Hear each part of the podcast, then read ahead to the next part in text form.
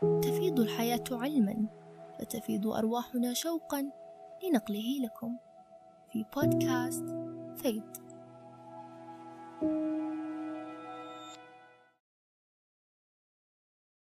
من الصعب الفصل بين مشاعرنا ومهننا. نحن لسنا روبوتات لكن علينا أن نفهم أبجديات المهنة. ما حس في شخص يقدر يفصل تماما بين تعاطف الإنساني وبين مهنته؟ لأنه جزء من طبيعتنا كبشر. ولا قد خفت في يوم من أن مشاعري أو إنسانيتي يؤثرون على مهنيتي. بالعكس أحسها بتساعدني أكون شخص أفضل لأصبح أكثر احترافية.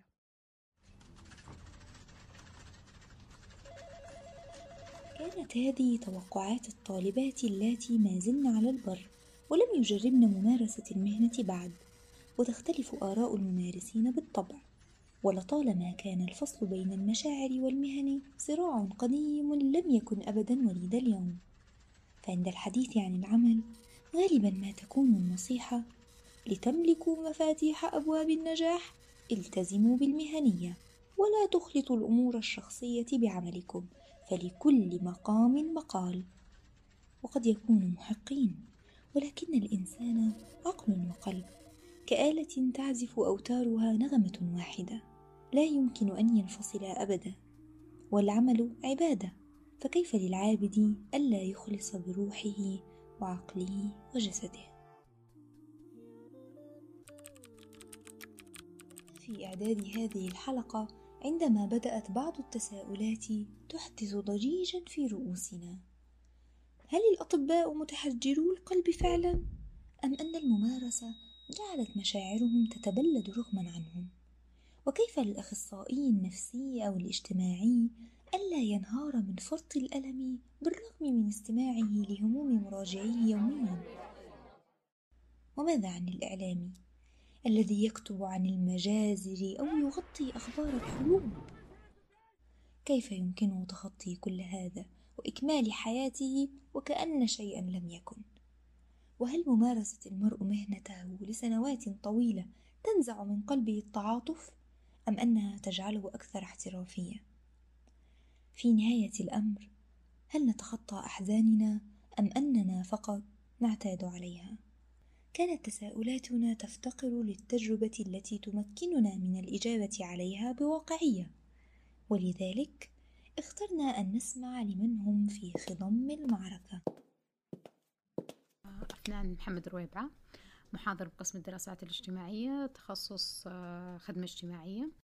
آه، بلقيس محمد علوان آه، أنا أكاديمية وكاتبة في مجال الإعلام فهذا كوني كاتبة شيء ملاصق لي أثناء مهنتي بشكل دائم.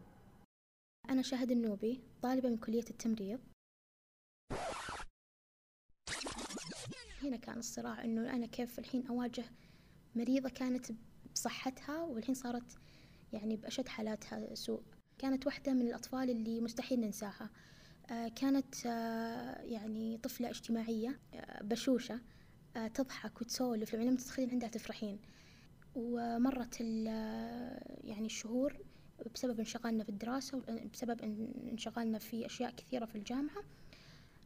صدف إنه نحن الحين لازم ننزل ناخذ في يعني في الدورة الثانية من تحقيق أمنيات الأطفال ثانيين فكان واحدة من الأسماء كانت في الكشف كان اسمها. فقلنا إنه خلينا ندخل نسلم عليها. دخلنا سلمنا عليها. لكن في وقت دخولنا تمنينا إن إحنا ما دخلنا؟ آه في وقت دخولنا تمنينا إن إحنا إن ما شفنا؟ آه كان. كان المنظر مختلف تماما عن المنظر اللي إحنا شفناه في أول مرة دخلنا فيه. كانت طفلة طريحة الفراش كانت هزيلة. كانت حزينة كانت شاحبة. السرطان يعني يعني أخذ منها أبسط شيء مفروض يكون للأطفال اللي هم ضحكتهم يعني.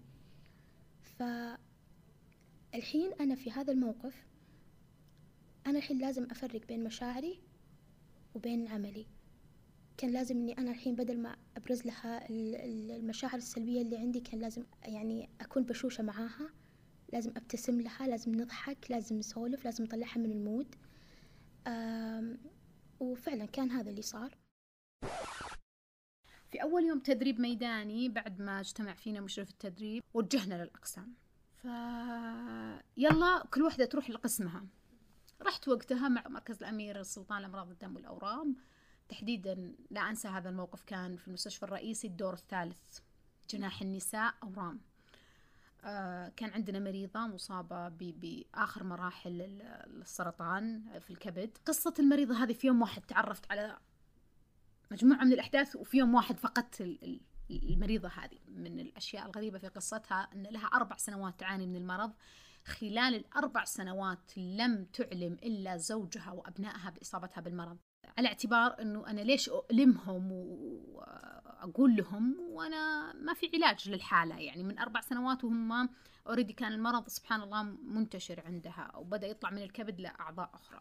فبلغهم زوجها انهاروا كانوا جايين في أشخاص أنا أول مرة أشوف رجال أطول مني ومنهارين ومنطوين لأنهم عارفين أنها في مراحل الأخيرة خلاص يعني كذا تقريبا في الساعة 12 ونص واحدة كذا توفت الله يرحمها وسلمت الروح إلى الله سبحانه وتعالى. كانت أهلها منهارين أخواتها بناتها جو دخلوا أولادها وانهاروا. آه، رئيسة الممرضات منهارة لأنه نفس الغرفة اللي فيها المريضة هذه أمها متوفية فيها قبل أقل من ستة شهور.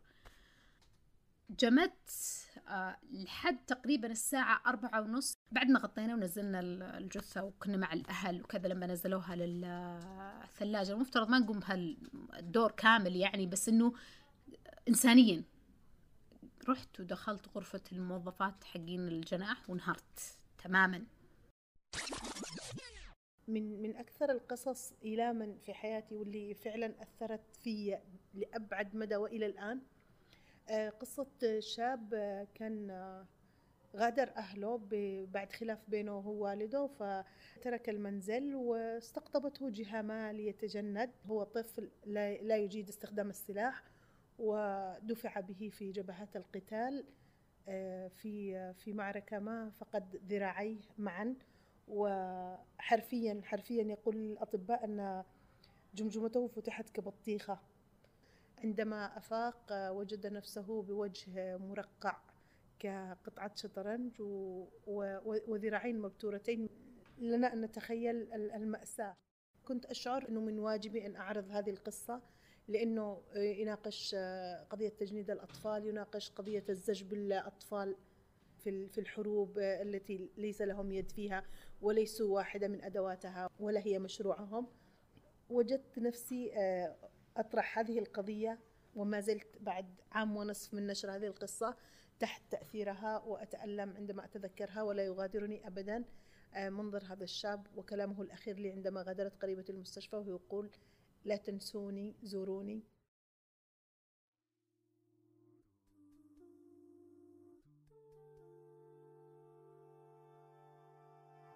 لقد كان من الصعب أن نتمالك دموعنا عند سماع هذه المواقف. فماذا عنه؟ أول كنت أبكي أحيانا بس مو أمام العميل. بعد ما يطلع. يمكن أول موقف حصل لي في أول يوم تدريب هو اللي وصلني لهالنقطة. بكيت بكيت بكيت بكيت. وكنت بين نفسي أقول هذا آخر يوم راح تبكي لهالدرجة وتضعفي لهالدرجة مع المرضى. هذا آخر يوم. وفعلا ما بكيت قدام مريض لكن بكيت لما خلصت من الحالة من المريض. يعني في بعض الأم... في بعض المواقف الواحد ما يقدر يتخطاها لكن يعني انت غصب عنك ما راح يعني ما راح ترضين إنه هذه المشاعر تنتقل لمريضك. ليست مرة ربما يعني أنا لا أجد أنه ضعف أنني أستسلم للبكاء في أكثر من موقف. بتأثيرات شخصية أو تأثيرات خارجية. لا نستطيع أن نمنع دموعنا عندما أجد معاناة طفل أو امرأة أو شخص لا يد له في الموضوع ويتحول إلى ضحية.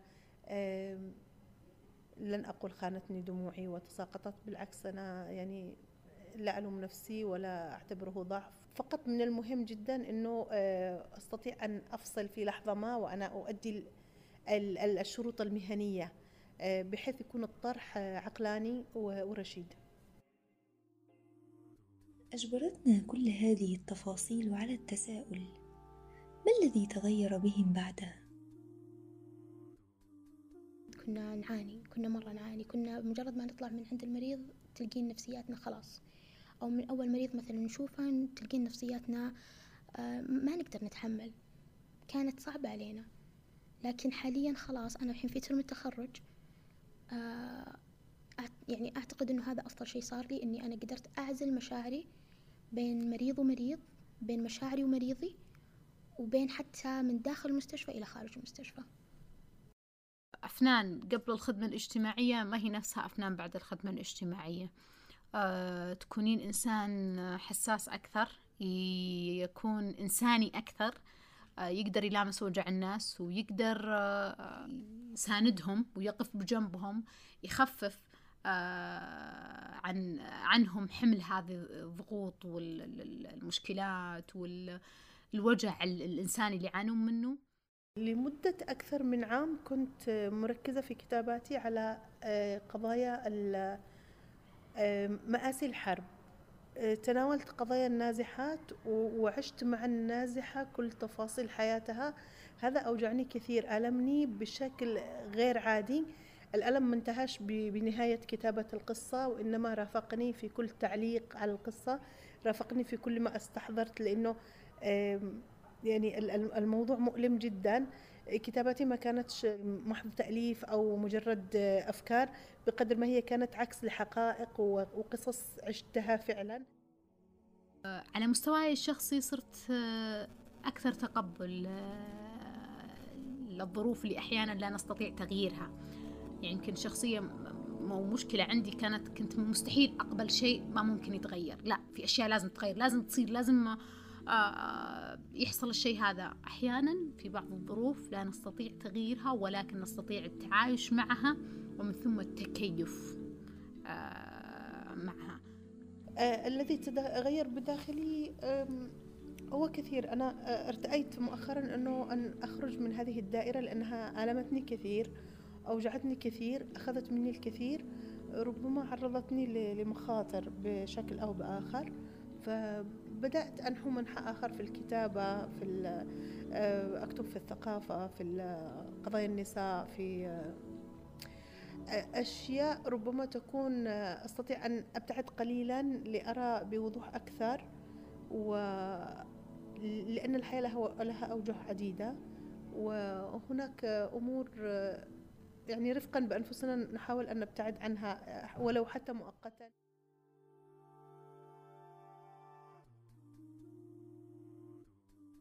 عن ذلك الصراع الذي ينشب بين الذات والمهنية. أي فرد من أفراد الكادر الصحي هم يعني دايم يجيهم لوم إنه ترى أنتم مجردين يعني إلى درجة إنكم أنتم تعودتوا إلى إنه إنه خلاص ما عاد يأثر فيكم شيء. في بعض الأوقات نحن ما نقدر ما نقدر نخلط مشاعرنا على على عملنا لأنه لو خلطنا ممكن هذا يأثر على العمل اللي نحن راح نسويه. نعم الأخصائي يضعف. نعم ممكن ينهار لكن لا يكون هذا أمام الحالة. الصراع بداخلنا بين المهن المهنة وضوابطها والمشاعر اللي تجتاحنا ونحن نؤدي هذه المهنة. آه، هو آه، أنا أعتقد هو آه، صراع طبيعي وصراع مشروع. الفكرة هو كيف ندير هذا الصراع وكيف نوظفه لصالح ما هو مهني.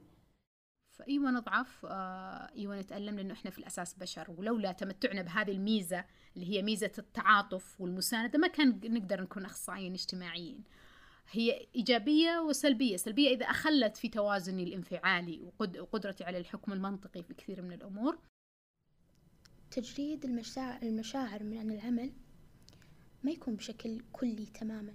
يعني نحن نقدم نقدم الاهتمام نقدم مشاعرنا لكن بطريقة أخرى. أرى أنه الصحفي هو آه، توليفة من المشاعر والمهنة. متى ما استطاع أن يدير مشاعره بشكل مهني آه، هنا أصبح آه، صحفي ناجح. ولا يمكن بأي حال من الأحوال أن الصحفي أو الكاتب أنه ينسلخ عن مشاعره. يظل يظل في حالة لن نقول صراع ولكن محاولة دائمة للتصالح والإدارة والترشيد الذي يفضي في النهاية إلى عمل يضيف له ويحسب له ويظل منتمي له ولا يمثل نقطة سلبية في مسيرته المهنية.